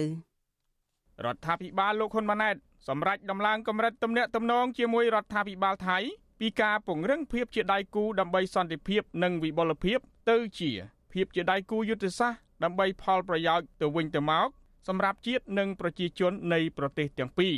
ដោយរំពឹងថាទំនាក់ទំនងទ្វេភាគីរវាងប្រទេសទាំងពីរនឹងកាន់តែរីកចម្រើនរឹងមាំលោកនាយករដ្ឋមន្ត្រីហ៊ុនម៉ាណែតឲ្យដឹងតាមរយៈ Facebook នៅថ្ងៃទី7កុម្ភៈថា ភាគីទាំងពីរបានវាយតម្លៃខ្ពស់លើលទ្ធផលនៃកិច្ចសហប្រតិបត្តិការទ្វេភាគីកន្លងមកនិងបានផ្លាស់ប្តូរយោបល់ពីការពង្រីកនិងពង្រឹងកិច្ចសហប្រតិបត្តិការលើវិស័យជាច្រើន ដែលរួមមាន វិស័យនយោបាយសេដ្ឋកិច្ចការពារជាតិសន្តិសុខពាណិជ្ជកម្មវិនិយោគទេសចរការងារនិងវិស័យធម្មពលលោកហ៊ុនម៉ាណែតឲ្យដឹងថារដ្ឋាភិបាលកម្ពុជា និងរដ្ឋាភិបាលថៃ ក៏ព្រមព្រៀងគ្នាក្នុងការជំរុញឲ្យមានកិច្ចសហប្រតិបត្តិការក្នុងការប្រយុទ្ធប្រឆាំងនឹងអ ுக ្រិតកម្មឆ្លងដែនការបោកប្រាស់តាមប្រព័ន្ធអនឡាញនិងការកសាងព្រំដែនរវាងប្រទេសទាំងពីរទៅជាព្រំដែនសន្តិភាព និងវិបុលភាពផងដែរលោកនាយករដ្ឋមន្ត្រីហ៊ុនម៉ាណែតមកបំពេញទស្សនកិច្ចនៅទីក្រុងបាងកកប្រទេសថៃនៅថ្ងៃទី7ខែកុម្ភៈដើម្បីជជែកជាមួយនាយករដ្ឋមន្ត្រីថៃ លោកសេដ្ឋាថាវីសិន តាក់ទងកិច្ចសហប្រតិបត្តិការទ្វេភាគីវិស័យនយោបាយទំនាក់ទំនងការទូតសេដ្ឋកិច្ចពាណិជ្ជកម្មនិងបញ្ហាព្រំដែនជាដើមតាក់ទងរឿងនេះអ្នកជំនាញផ្នែកវិទ្យាសាស្ត្រនយោបាយនិងកិច្ចការអន្តរជាតិលោកអែមសវណ្ណារាយល់ថា ការព្រមព្រៀងរបស់ភាគីទាំងពីរពេលនេះអាចផ្ដល់ផលវិជ្ជមានច្រើនជាងអវិជ្ជមានប្រសិនបើភាគីទាំងពីរមានភាពស្មោះត្រង់ជាមួយគ្នាទោះជាយ៉ាងណាអ្នកជំនាញកិច្ចការនយោបាយបរទេសរូបនេះ ចង់ឃើញភាគីកម្ពុជាគួរមានការប្រយ័ត្នប្រយែងក្នុងការចុះកិច្ចព្រមព្រៀងមួយចំនួន ដែលមានមន្ទិលសង្ស័យដូចជា ការបើកច្រកនៅប្រាសាទព្រះវិហារនិងកិច្ចព្រមព្រៀងបើកច្រកព្រំដែនសមុទ្រនៅតំបន់មានរ៉ែប្រេងកាតជាដើម។ ថាចុះកិច្ចព្រមព្រៀងពាក់ព័ន្ធទៅនឹងការបើកច្រកព្រះវិហារអានេះយើងគួរជៀសវាងទៅព្រោះកន្លងមកមានបញ្ហាកន្លងមកហើយយើងគួរបើកច្រកអានសេះហ្នឹងយើងអាចប្រើប្រាស់បានឬក៏ច្រកផ្សេងផ្សេងទៀតនៅចិត្តព្រះវិហារហ្នឹងយើងអាចប្រើប្រាស់បានហើយហើយដល់ឡែករឿងបញ្ហាព្រំដែនទឹកឧទាហរណ៍ថារឿងការបែងចែកផលនៃប្រេងកាតនៅក្នុងតំបន់កោះគុតហ្នឹងគឺគួរតែទស្សនៈខ្ញុំគួរតែបានន័យថាព្រំដែនគួរច្បាស់លាស់សិនចាំយើងធ្វើការចរចា ស្រដៀងគ្នានេះដែរអតីតសមាជិកគណៈបកសង្គ្រោះជាតិលោកអ៊ុំសំអានយល់ថាការបន្ថែមកម្រិតទំនាក់ទំនងរវាងប្រទេសទាំងពីរនៅពេលនេះគឺភាគីទាំងពីរសម្លឹងមើលផលប្រយោជន៍នយោបាយរៀងរៀងខ្លួន លោកបន្តថាអ្វីដែលភាគីកម្ពុជាចង់បានពីភាគីថៃគឺលោកហ៊ុនម៉ាណែតអាចនឹងស្នើទៅភាគីថៃកុំឲ្យផ្ដាល់ជំរកដល់សកម្មជនគណៈបកប្រឆាំងនៅប្រទេសថៃ។ ខាងពាណិជ្ជកម្មហ្នឹងក៏កម្ពុជាយើង បានផលចំណេញពីថៃដែរផ្ទុយទៅវិញថៃនាំតំណែងចូលមកយើងច្រើនជាងហើយមួយទៀតយើងឃើញពលរដ្ឋរដ្ឋថៃថៃគេជាអ្នកជំនួញអញ្ចឹងគេគិតតែពីសេដ្ឋកិច្ចរបស់គេអញ្ចឹងគឺធ្វើឲ្យសេដ្ឋកិច្ចរបស់គេរីកចម្រើនណាហើយកម្ពុជាយើងអំណាចរបស់ខ្លួនណាมันបានគិតពីផលប៉ះពាល់ដោយសារការការអំណាចផ្ដាច់ការហ្នឹងណាមន្ត្រីគណៈបកប្រឆាំងរូបនេះអះអាងថាប្រសិនបើគណៈបកប្រឆាំងបានដឹកនាំប្រទេសរដ្ឋាភិបាលគណៈបកនេះ និងពិនិត្យឡើងវិញនៅកិច្ចព្រមព្រៀងដែលរដ្ឋាភិបាលលោកហ៊ុនម៉ាណែតចុះព្រមព្រៀងជាមួយរដ្ឋាភិបាលថៃនៅពេលនេះនៅគ្រាដែលលោកហ៊ុនម៉ាណែតមកបំពេញទស្សនកិច្ចនៅប្រទេសថៃសមត្ថកិច្ចថៃក៏កំពុងសម្រុកចាប់ជនភៀសខ្លួនខ្មែរនិងពលករខ្មែរដែលគ្រប់គ្រងគណៈបកប្រឆាំងជាបន្តបន្ទាប់ដែលមកដល់ពេលនេះមានពលករខ្មែរជនភៀសខ្លួនប្រពន្ធនិងកូនកូនរបស់ពួកគេចំនួន17នាក់កំពុងជាប់ឃុំនៅមន្ទីរឃុំឃាំងរបស់ប៉ូលីសថៃ។ ខ្ញុំបាទហុំចម្រើនវិទ្យុអាស៊ីសេរីពីរដ្ឋធានី Washington ចាលោកនាងកញ្ញាជាទីមេត្រីចាតកតងនឹងលទ្ធផលនៃដំណើរទស្សនកិច្ចរបស់លោកហ៊ុនម៉ាណែតទៅប្រទេសថៃនេះដែរចាគឺលោកហ៊ុនម៉ាណែតរួមជាមួយនឹងនាយរដ្ឋមន្ត្រីថៃគឺលោកទេសេដ្ឋាថាវិនស៊ីន ចាប់បានឯកភាពគ្នាសិក្សារោគរោគប្រេងនិងឧស្ម័ននៅឈូងសមុទ្រតំបន់ត្រួតស៊ីគ្នា ដែលប្រទេសទាំងពីរមានចំនួនជាមួយគ្នាកន្លងមកមេដឹកនាំទាំងពីរបានថ្លែងនៅក្នុងសន្និសីទកសែតរួមគ្នាក្រោយពីជំនួបនៅថ្ងៃទី7ខែកុម្ភៈថាក្រៅពីភាគីទាំងពីរបានចុះកិច្ចព្រមព្រៀងរុករករ៉ែប្រេង និងឧស្ម័នរហូតដល់បាន500បារ៉ែលនៅក្រោមបាតសមុទ្រនេះមេដឹកនាំទាំងពីរក៏បានចុះអនុសារណៈជាច្រើនផ្សេងទៀត។ អនុសារណៈទាំងនោះរួមមានអនុសារណៈនៃការយោគយល់គ្នាស្ដីពីកិច្ចសហប្រតិបត្តិការលើវិស័យកាត់បន្ថយហានិភ័យគ្រោះមហន្តរាយនិងការឆ្លើយតបអគ្រោះអាសន្នរវាងគណៈកម្មាធិការជាតិគ្រប់គ្រងគ្រោះមហន្តរាយកម្ពុជា និងក្រសួងមហាផ្ទៃថៃអនុសារណៈនៃការយល់យោគគ្នាស្ដីពីកិច្ចសហប្រតិបត្តិការលើវិស័យសិក្សាធិការវិទ្យាសាស្ត្រនិងបច្ចេកវិទ្យារវាងក្រសួងឧស្សាហកម្មវិទ្យាសាស្ត្របច្ចេកវិទ្យា និងនវានុវត្តន៍កម្ពុជា និងក្រសួងឧត្តមសិក្សាវិទ្យាសាស្ត្រស្រាវជ្រាវ និងនវានុវត្តន៍ថៃអនុសារណៈនៃការយោគយល់គ្នាស្ដីពីទំនិញឆ្លងកាត់រវាងអគ្គនាយកដ្ឋានគយនិងរដ្ឋកោនិងនាយកដ្ឋានគយថៃអនុសារណៈនៃការយោគយល់រវាងសភាពាណិជ្ជកម្មកម្ពុជា និងធនាគារនាំចេញចូលរបស់ថៃអនុសារណៈនៃការយោគយល់គ្នារវាងសភាពាណិជ្ជកម្មកម្ពុជា និងគណៈកម្មាធិការពាណិជ្ជកម្មថៃនៅក្នុងជំនួបនោះលោកហ៊ុនសែនក៏បានស្នើឲ្យប្រទេសទាំងពីរតភ្ជាប់តំបន់សេដ្ឋកិច្ចពិសេសនៅជាប់ព្រំដែនស្រះកែវនិងក្រុងប៉ោយប៉ែតមេដឹកនាំទាំងពីរក៏បានព្រមព្រៀងលើការជំរុញការឃ្លាំមើលព្រំដែនដើម្បីដោះស្រាយការឆបបោកតាមប្រព័ន្ធអ៊ីនធឺណិតការជួញដូរគ្រឿងញៀននិងការរត់ពន្ធផ្សេងផ្សេងទៀតដែរក្រៅពីនេះលោកហ៊ុនម៉ាណែតនិងនាយករដ្ឋមន្ត្រីថៃក៏បានឯកភាពគ្នា នឹងបើកការិយាល័យអគ្គកុងស៊ុលរៀងៗខ្លួន ដោយភាគីថៃនឹងបើកការិយាល័យអគ្គកុងស៊ុលនៅឯខេត្តសៀមរាបឯកម្ពុជានិងឯកម្ពុជានឹងចាន់គឺភាគីថៃនឹងបើកនៅឯខេត្តសង្ខឡាភាគខាងត្បូងនៃប្រទេសថៃហើយភាគីកម្ពុជា គឺនឹងបើកនៅឯខេត្តសៀមរាប ចលនានាងកញ្ញាជាទីមេត្រីចាព័ត៌មានតកតងនឹងជនភៀសខ្លួនខ្មែរដែលត្រូវអាជ្ញាធរថៃចាប់ខ្លួនវិញម្ដងអាញាធរថៃថានឹងមិនមិនបញ្ជូនជនភៀសខ្លួនខ្មែរដែលអាញាធរថៃបានចាប់ខ្លួនចំនួន2នាក់កាលពីពេលថ្មីថ្មីនេះឲ្យត្រឡប់ទៅប្រទេសកម្ពុជាវិញឡើយបន្ទាប់ពីក្រុមអង្គការសិទ្ធិមនុស្សអន្តរជាតិបង្ហាញក្តីបារម្ភពីការធ្វើទុកបុកម្នេញទៅលើពួកគេ ចតិភ្នាក់ងារសារព័ត៌មាន Reuters បានស្រង់ប្រសាសន៍របស់អគ្គស្នងការរងនគរបាលជាតិថៃចៅលោកសុរជិតហផនដែលបានអះអាងនៅថ្ងៃទី7ខែកុម្ភៈថាសមត្ថកិច្ចថៃនឹងមិនបញ្ជូនពួកគេនិងក្រុមគ្រួសារឲ្យត្រឡប់ទៅកម្ពុជាវិញទេហើយអង្គការសហប្រជាជាតិទទួលបន្ទុកសិទ្ធិជនភៀសខ្លួនហៅកាត់ថា UNHCR កំពុងស្វះស្វែងដើម្បីបញ្ជូនពួកគេឲ្យទៅប្រទេសផ្សេងទៀត ចាចាប់តាំងពីចុងឆ្នាំ2023រហូតមកដល់ពេលនេះសមត្ថកិច្ចថៃបានឃាត់ខ្លួនជនភៀសខ្លួនខ្មែរចំនួន18នាក់ហើយក្នុងនោះមានកុមារអាយុក្រោម10អាយុក្រោម8ឆ្នាំចំនួន4នាក់ផងដែរចំណែកជនភៀសខ្លួនម្នាក់គឺលោកស្រីសំសុខាត្រូវបានបញ្ជូនទៅប្រទេសកាណាដាបច្ចុប្បន្ននេះមានជនភៀសខ្លួនខ្មែរជាង10នាក់កំពុងតែភៀសខ្លួននៅប្រទេសថៃនោះចា សូមឲ្យទោសចាបច្ចុប្បន្ននេះគឺមានជនភៀសខ្លួនខ្មែរជាង100នាក់កំពុងតែភៀសខ្លួននៅប្រទេសថៃដោយសារតែអាជ្ញាធររដ្ឋាភិបាលក្រុងភ្នំពេញចាតាមចាប់ខ្លួនពួកគេព្រមទាំងធ្វើទុកបុកម្នេញទៅដល់ពួកគេ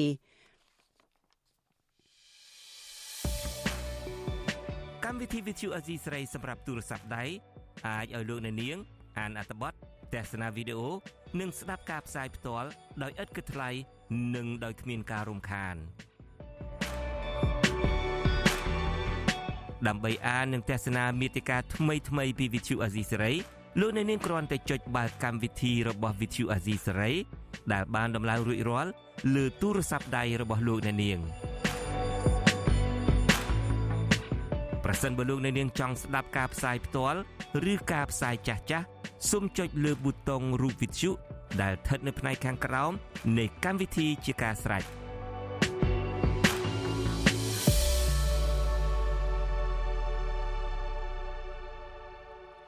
ចាលោកនាងកញ្ញាជាទីមេត្រីលោកអ្នកកំពុងស្ដាប់វិទ្យុអាស៊ីសេរីចាប់ផ្សាយចេញពីរដ្ឋធានី Washington សហរដ្ឋអាមេរិក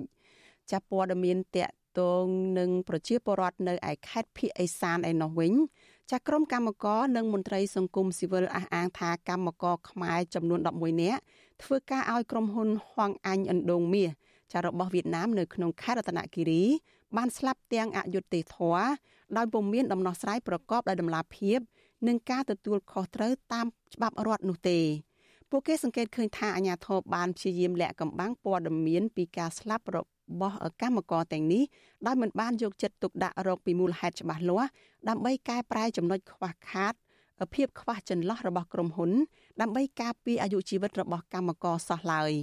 ចាលោកសីបណ្ឌិត មានសេចក្តីរាយការណ៍អំពីរឿងនេះជូនលោកអ្នកនាងមន្ត្រីអង្គការនៃសមាគមអាត់ហុកខេត្តរតនគិរីដែលចុះឃ្លាំមើលករណីនេះលោកងាវសេឡាប្រាប់បទសុអសីសេរី នៅថ្ងៃទី7កុម្ភៈថា អាញាធរហាក់មិនអើពើដោះស្រាយរឿងនេះឡើយដោយមិនបានចុះស៊ើបអង្កេតឲ្យបានទូលំទូលាយពីគ្រប់ភាគីពាក់ព័ន្ធដោយឯករាជ្យជំរុញឲ្យមានការទទួលខុសត្រូវលើអាយុជីវិតកម្មករស្លាប់នោះទេលោកចាត់ទុកទង្វើនេះថាជាទម្លាប់អាក្រក់មួយ ខ្វះការទទួលខុសត្រូវសម្រាប់បន្ទុកក្រុមហ៊ុន ដែលជាហេតុធ្វើឲ្យពលរដ្ឋបន្តរងគ្រោះដដែលដដែលនៅថ្ងៃខាងមុខគឺតែវាជាគំរូអាក្រក់មួយដល់កម្មករចំនួនក្រោយ ដែលសល់តែវាដូចជាជំងឺអញ្ចឹងកាលណាយើងឲ្យព្យាបាលអញ្ចឹងវាចេះតែមានជំងឺផ្សេងៗកើតចូលមករហូតអញ្ចឹងណាបងពីខ្លះដោយសារតែអាញាធិបតេយ្យច្រើនគាត់មិនសូវជាខ្វាយខ្វល់ជាមួយជនរងគ្រោះច្រើនអញ្ចឹងកម្មករខ្មែរដែលធ្វើការក្នុងបរិវេណក្រុមហ៊ុនហងអាញអណ្ដូងមាសរបស់វៀតណាម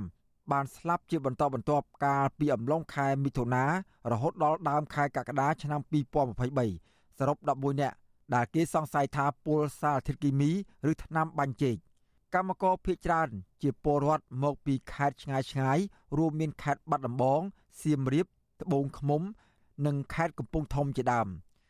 កម្មករម្នាក់ដែលកំពុងធ្វើការក្នុងក្រុមហ៊ុននេះថ្លែងសុំមិនបញ្ចេញឈ្មោះព្រោះបារម្ភពីសុវត្ថិភាពបានប្រាប់បទសុអសីសេរីនៅថ្ងៃទី7កុម្ភៈថាក្រុមហ៊ុនបានផ្ដល់សំណងតិចតួចឲ្យគ្រួសារជនរងគ្រោះក្នុងមួយគ្រួសារចំនួន2លានរៀល និងជួយថ្លៃចំណាយដឹកជញ្ជូនសាកសពទៅស្រុកកំណើតលោកបន្ថែមថាថ្នាំគីមីដែលកម្មករប្រើប្រាស់ផលិតក្នុងប្រទេសវៀតណាមប្រសិនបើខ្វះការប្រុងប្រយ័ត្នងាយនឹងប៉ះពាល់ដល់អាយុជីវិត លោកថាមុនពេលស្លាប់ជនរងគ្រោះខ្លះបានទទួលទានស្រាតិចតួចដែលពួកគាត់មានទម្លាប់ទទួលទាននៅពេលល្ងាចបូកផ្សំនឹងធ្វើការអស់កម្លាំង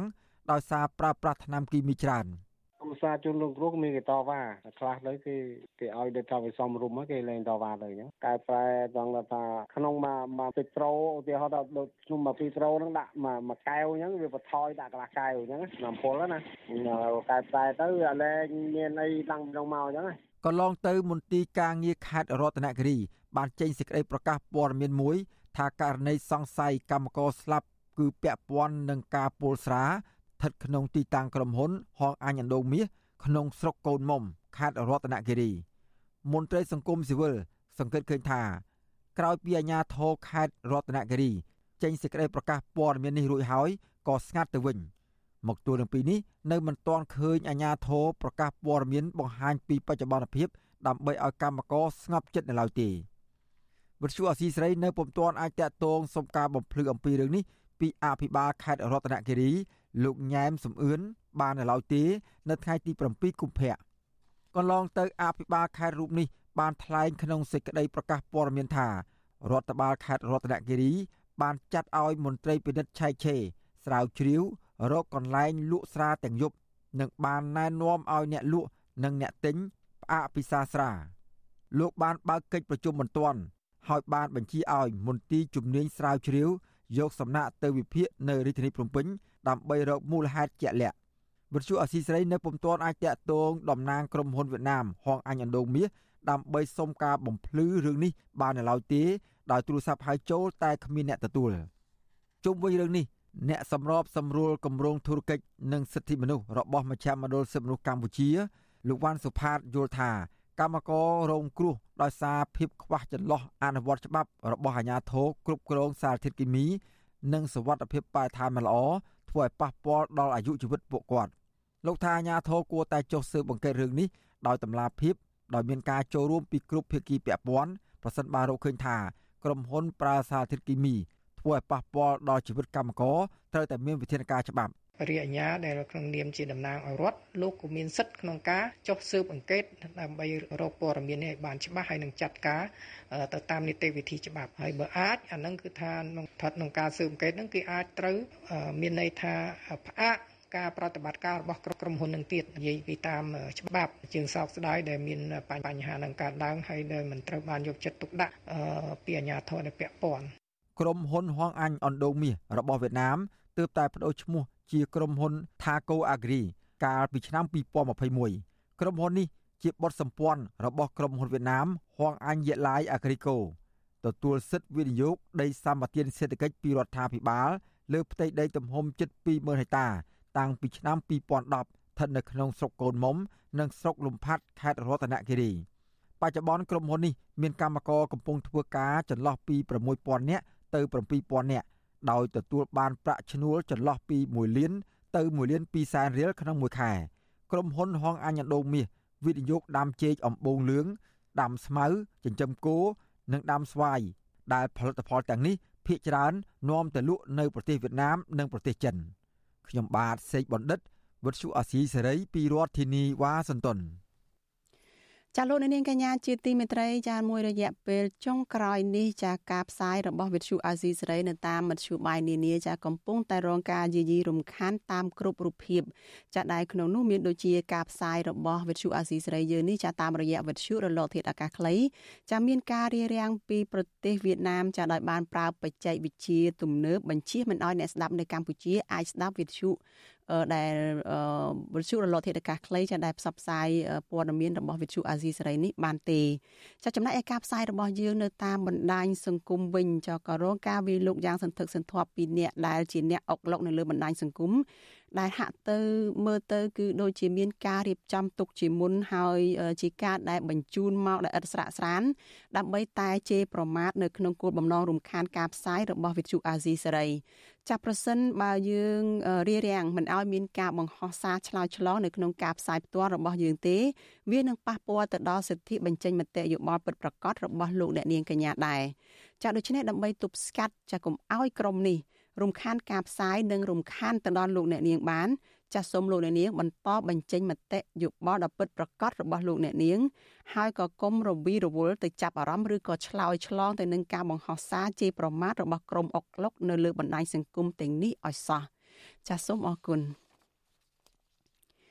ចលនានាងកញ្ញាជាទីមេត្រីចាយើងងាកទៅព័ត៌មានតកតនឹងក្រមយុវជន ដែលស្រឡាញ់ធនធានធម្មជាតិបរិស្ថានវិញម្ដង ចាក្រមសកម្មជនចលនាមេដាធម្មជាតិបានចាប់ដែលធ្លាប់ជាប់ពន្ធនាគារជិត1ឆ្នាំនោះនឹងត្រៀមចេញសិភៅដែលមានចំណងជើងថាមនុស្សដែលគេយកទៅកែប្រែ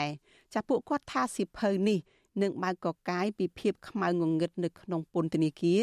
ដើម្បីផ្ដល់ចំណេះដឹងនិងបណ្ដុះមនសិការដល់យុវជនឲ្យមានឆន្ទៈនៅក្នុងការការពារធនធានធម្មជាតិនៅកម្ពុជា ចាលូទីនសការីយ៉ាមានសេចក្តីរាយការណ៍អំពីរឿងនេះ សិភៅដែលមានចំណងជើងថាមនុស្សដែលគេយកទៅកែប្រែនេះគឺជាស្នាដៃសហនិពន្ធរបស់សកម្មជនបរិស្ថានទាំង7នាក់ដែលធ្លាប់ជាប់ពន្ធនាគារក្រោមបទចោទញុះញង់និងរួមគំនិតក្បត់សកម្មជនចលនាមេដាធម្មជាតិដែលធ្លាប់ជាប់ពន្ធនាគារជិត1ឆ្នាំហើយក៏ជាសហនិពន្ធសិភៅលោកថនរដ្ឋាប្រាប់វិទ្យុអសិរ័យនៅថ្ងៃទី7កុម្ភៈថាសិភៅមនុស្សដែលគេយកតកែប្រែនេះជាស្នាដៃដំបូងរបស់ពួកលោក ដែលបានបើកកកាយពីភាពខ្មាំងងងឹតនៅក្នុងពន្ធនាគារនិងបង្ហាញពីគោលជំហររបស់ពួកគាត់ក្នុងការការពារធនធានធម្មជាតិ ជីវិតរបស់ពួកយើងវាជារឿងដែលមនុស្សមនុស្សទូទៅកម្រឆ្លងកាត់ឬក៏ជួបប្រទះដោយសារយើងការពារប្រយោជន៍រួមយើងគួរតែត្រូវបានលើកទឹកចិត្តប៉ុន្តែផ្ទុយទៅវិញយើងបែរជាត្រូវបានចោទប្រកាន់ពីបទញុះញង់ពីបទរួមកំបត់រហូតដល់យើងទៅបានចាប់ដាក់ពន្ធនាគារហើយអ្វីដែលសំខាន់ទៀតហ្នឹងរឿងរ៉ាវនៅក្នុងពន្ធនាគារភាគច្រើនហ្នឹងគេអត់ទៅបានដឹងទេឬពីអ្នកដែលជាប់ឃុំទេអញ្ចឹងពួកយើងដែលជាអ្នកដែលឆ្លងកាត់ជីវិតនៅក្នុងពន្ធនាគារគួរតែត្រូវបានចែករំលែកដល់សាធារណជនសៀវភៅបែបប្រឡោមលោកជីវិតក្នុងពន្ធនាគារនេះ មានក្របពណ៌ខ្មៅភ្ជាប់ជាមួយនឹងរូបសកម្មជនទាំង6នាក់ដែលជាតួអង្គសំខាន់អ្នកទាំងនោះរួមមានលោកថនរដ្ឋាលោកលីច័ន្ទរាវុធលោកយឹមលៀងហ៊ីកញ្ញាឡុងកុនធាកញ្ញាសុនរដ្ឋានិងកញ្ញាភួងកែវរស្មីដែលពួកគេសុទ្ធសឹងតែជាសកម្មជនបរិស្ថានវ័យក្មេង។ អ្នកការពារសិទ្ធិមនុស្សនិងបរិស្ថាន ហើយក៏ជាសហនិពន្ធដែរនោះ លោកសាន់ម៉ាឡា លើកឡើងថាសិភៅដែលមានកម្រាស់ជាង300ទំព័រនេះពួកលោកបានចំណាយពេលវេលាជាង1ឆ្នាំ ដើម្បីសរសេរលោកថាសិភៅនេះក៏នឹងក្លាយជាឯកសារប្រវត្តិសាស្ត្របង្ហាញពីការពិត បង្ហាញពីប្រព័ន្ធតុលាការនៅកម្ពុជា ដែលធ្វើទុកបុកម្នេញមកលើសកម្មជនសិទ្ធិមនុស្សនិងបរិស្ថានលោកបន្តថាសិភៅនេះនឹងចេញលក់ជាផ្លូវការ នៅចុងខែកុម្ភៈនេះមនុស្សជំនាន់ក្រោយគាត់នឹងទទួលស្គាល់អំពីការលះបង់របស់យើងទាំងអស់គ្នា ដើម្បីពួកគាត់ការលះបង់របស់យើងទាំងអស់គ្នាដើម្បីបបផែតបឋាននិងជាតិមាតុភូមិជាពិសេសការបោះពុំជាសភៅក៏ជាការលើកស្ទួយនៅវិស័យតែនិពន្ធវិស័យអំណាន និងជាវប្បធម៌ដែលយើងត្រូវរៀនចងក្រងប្រព័ន្ធផ្ដុំ ឯកសារទាំងអស់ព្រឹត្តិការណ៍ទាំងអស់ដែលកើតឡើងក្នុងពេលបច្ចុប្បន្ននេះដើម្បីចងក្រងវាទៅជាឯកសារដែលមានតម្លៃជាប្រវត្តិសាស្ត្រនៅពេលខាងមុខសហនិពន្ធសិភៅដែលមានចំណងជើងថាមនុស្សដែលគេយកទៅកែប្រែ រំពឹងថាក្រោយពីចេញផ្សាយសិភៅនេះជាផ្លូវការអាជ្ញាធរពាក់ព័ន្ធរួមនឹងលោកនាយករដ្ឋមន្ត្រីហ៊ុនម៉ាណែតនឹងពិចារណាឡើងវិញក្នុងការស្ដារប្រព័ន្ធប្រជាធិបតេយ្យធានាការគោរពសិទ្ធិមនុស្ស និងបញ្ឈប់ការធ្វើទុកបុកម្នេញមកលើសកម្មជនបរិស្ថានតទៅទៀតវិទ្យុអស៊ីសេរីមិនអាចតតងប្រធានអង្គភិបអ្នកណែនាំពាក្យរដ្ឋាភិបាលលោកប៉ែនបូណាដើម្បីសំសួរជំវិញនឹងរឿងនេះបាននៅឡើយទេនៅថ្ងៃទី7កុម្ភៈក្រុមយុវជនចលនាមេដាធម្មជាតិទាំង6នាក់ត្រូវបានតុលាការចេញដីកាបញ្ជាឲ្យចាប់ខ្លួនដាក់ពន្ធនាគារជិត1ឆ្នាំដោយចោទពីបទញុះញង់និងប្រព្រឹត្តបទអក្រិតជាអាតនិងបទរួមគណិតក្បត់ ប៉ុន្តែនៅថ្ងៃទី12វិច្ឆិកាឆ្នាំ2021ពួកគាត់ក៏ត្រូវបានតុលាការដោះលែងឲ្យនៅក្រៅឃុំបណ្ដោះអាសន្នវិញទោះជាយ៉ាងណាចាប់តាំងពីពួកគេត្រូវបានតុលាការដោះលែងឲ្យមានសេរីភាពឡើងវិញក្រុមយុវជនទាំងនេះបានទទួលពានរង្វាន់ជាបន្តបន្ទាប់ទី1គឺជាពានរង្វាន់អ្នកការពារសិទ្ធិមនុស្សឆ្នាំឆ្នាំ2021ពីបណ្ដាញអង្គការសង្គមស៊ីវិលនៅក្នុងប្រទេសកម្ពុជា ហើយពានរង្វាន់ទី2 គឺជាពានរង្វាន់អ្នកការពារជួរមុខពីអង្គការ Frontline Defender ចំពោះភាពក្លាហាន និងការហ៊ានប្រថុយប្រឋានគ្រោះថ្នាក់ដើម្បីការពារបរិស្ថាននៅកម្ពុជា និងពានរង្វាន់ទី3គឺពានរង្វាន់កម្រិតអន្តរជាតិ Rai Livelihood ឆ្នាំ2023ពីប្រទេសស៊ុយអែតជាដើមខ្ញុំបាទទីនសាការីយ៉ាអស៊ីសេរី ប្រធានីវ៉ាស៊ីនតោន ចាលោកនាងកញ្ញាជាទីមេត្រីចាសេចក្តីរាយការណ៍របស់លោកទីនសការីយ៉ាតកតងទៅនឹងយុវជនចលនាមេដាធម្មជាតិនេះបង្ហាញថាក្រមយុវជនចានៅតែបដិញ្ញាតស៊ូការពារធនធានធម្មជាតិតទៅទៀតចាំបើទោះបីជាពួកគាត់រងការធ្វើទុកបុកម្នេញយ៉ាងណាក៏ដោយចាយើងងាកចេញពីព័ត៌មានតកតងនឹងការការពារធនធានធម្មជាតិចារឿងនយោបាយនេះ តកតងនឹងការសេរីភាពបញ្ចេញមតិឲ្យអស់នេះបន្តិចសិនចាយើងងាកទៅព័ត៌មានតកតងទៅនឹងជីវភាពរស់នៅរបស់ពលរដ្ឋខ្មែរនៅឯខេត្តសៀមរាបឯណោះវិញ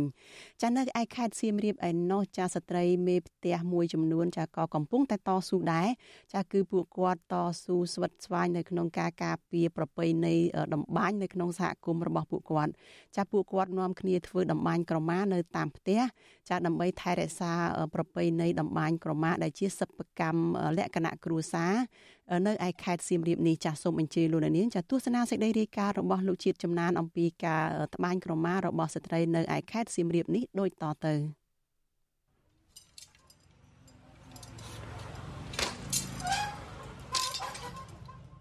ក្រោយពីរីករាលដាលជំងឺ Covid-19 កាលពីដើមឆ្នាំ2020មុខរបរតម្បាញក្រមានៅតំបន់ជនបទក្នុងខេត្តសៀមរាប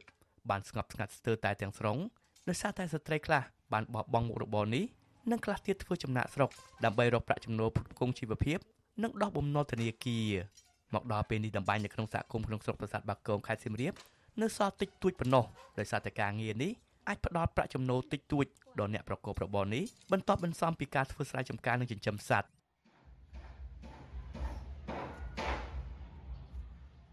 ស្ត្រីម្នាក់ដែលបញ្ចប់ការសិក្សានៅមជ្ឈមណ្ឌលតម្បាញក្នុងស្រុកបន្ទាយស្រីហើយរៀនជំនាញត្បាញពីឪពុកម្ដាយនៅក្នុងភូមិស្រិត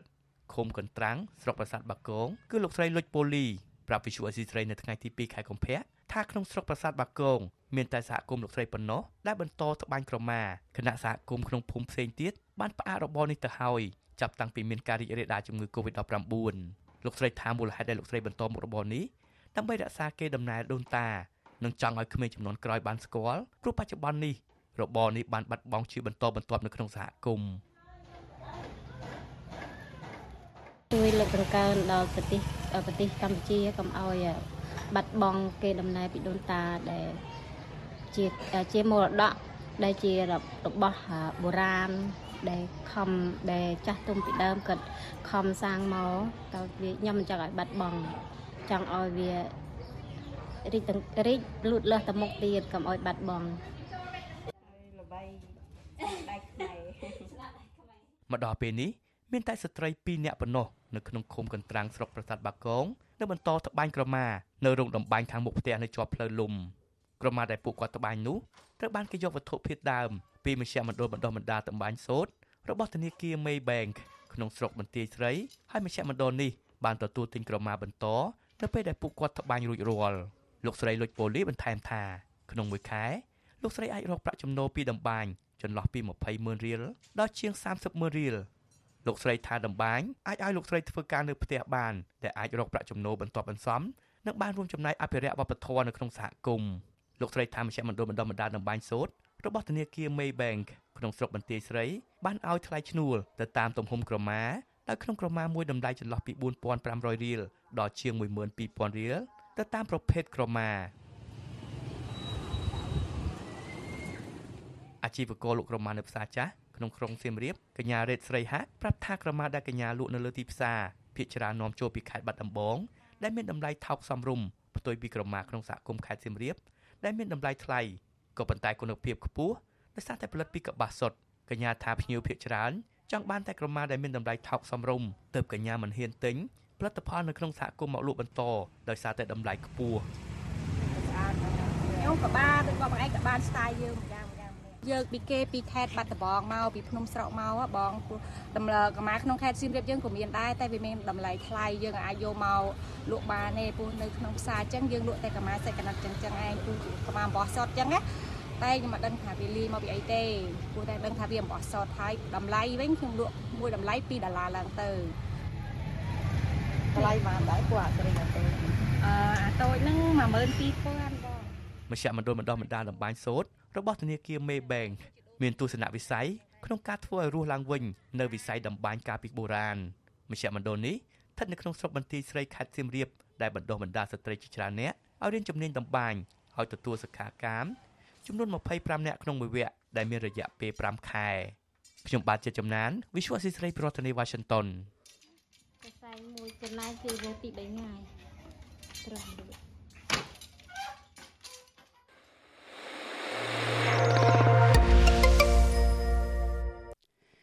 ចាលោកនាងកញ្ញាជាទីមេត្រីចាអុកញ៉ាវ័យក្មេងជាអ្នករកស៊ីដល់កកបម្នាក់មានដើមកំណើតចិន បានចូលសញ្ជាតិខ្មែរហើយក្រោយមកបានក្លាយទៅជាទីប្រឹក្សាកម្ពូលកម្ពូលរបស់មេដឹកនាំសំខាន់សំខាន់នៅកម្ពុជា ក្នុងនោះគឺមានតាំងពីជាទីប្រឹក្សារបស់លោកហ៊ុនសែនចាលោកហ៊ុនម៉ាណែតលោកហេងសំរិន និង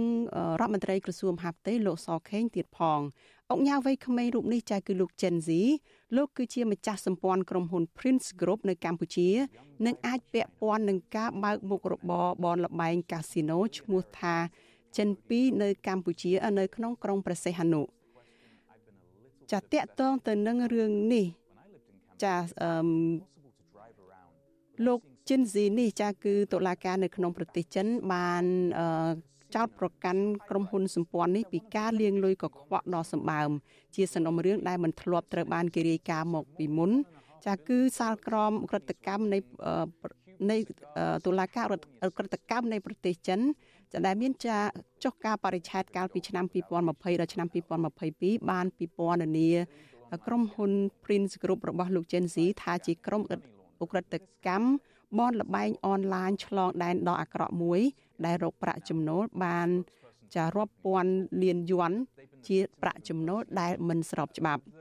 ចាលោកនាងអាចចូលទៅទស្សនាអត្ថបទនៃសេចក្តីរាយការណ៍ថ្មីចុងក្រោយរបស់វិទ្យុអាស៊ីសេរីចាដោយចូលទៅកាន់អាសយដ្ឋាន kh.rfa.org/genz ហើយក៏យើងមានបង្ហោះអត្ថបទទាំងអស់នេះទាំងស្រុងនៅលើទំព័រ Facebook YouTube Telegram និងបណ្ដាញសង្គម X ឬក៏ Twitter របស់វិទ្យុអាស៊ីសេរីផងដែរចាសសេចក្តីរាយការណ៍នេះគឺជាការស៊ើបអង្កេតរបស់អ្នករាយការណ៍ព័ត៌មានស៊ើបអង្កេតរបស់វិទ្យុអាស៊ីសេរីចាសគឺលោកឆាដេវីចាសដែលបានដែលលោកបានចំណាយរយៈពេលដល់ទៅ3ឆ្នាំចាសបានតាមដានសកម្មភាពរបស់លោក Gen Z នេះចាសសូមអញ្ជើញលោកអ្នកនាងចាសកុំភ្លេចចូលទៅតាមដានឬក៏ អានអត្ថបទព័ត៌មាននេះចាគឺជាអត្ថបទសម្រិតសម្រាំងដែលជាការស៊ើបអង្កេតរបស់វិទ្យុអាស៊ីសេរីចាតកតងនឹងអ្នកចំនួនវ័យក្មេងដែលបានលុយពីប្រភពដែលមិនសុចរិតចាគឺជាលុយដែលមិនស្របច្បាប់ហើយបានคลายទៅជាអ្នកមានលុយរាប់ពាន់លានដុល្លារដោយសារតែមុខជំនួយនានានៅកម្ពុជានេះ ចាហើយក្រុមក្រុមការងាររបស់វិទ្យុអាស៊ីសេរីចាក៏នឹងមានផ្សព្វផ្សាយព័ត៌មាននេះចាជាវីដេអូដែលជាភាសាខ្មែរជូនលោកអ្នកនាងដែរចាសូមអញ្ជើញលោកអ្នកនាងចាកុំភ្លេចរងចាំតាមដានអត្ថបទសារព័ត៌មានស៊ើបអង្កេតនេះកុំបីខាន ចលនានាងកញ្ញាជាទីមេត្រីចាការផ្សាយរបស់វិទ្យុអាស៊ីសេរីនៅយប់នេះចាចាប់ត្រឹមតែប៉ុណ្ណេះចានាងខ្ញុំសុជីវីព្រមទាំងក្រុមការងារទាំងអស់នៃវិទ្យុអាស៊ីសេរីចាសូមជូនពរដល់លោកអ្នកនាងកញ្ញានិងក្រុមគ្រួសារទាំងអស់ចាសូមប្រកបតែនឹងសេចក្តីសុខសុភមង្គលហើយនឹងមានសុខភាពល្អកុំបីឃ្លៀងឃ្លាតឡើយចានាងខ្ញុំសូមអរគុណនិងសូមជម្រាបលា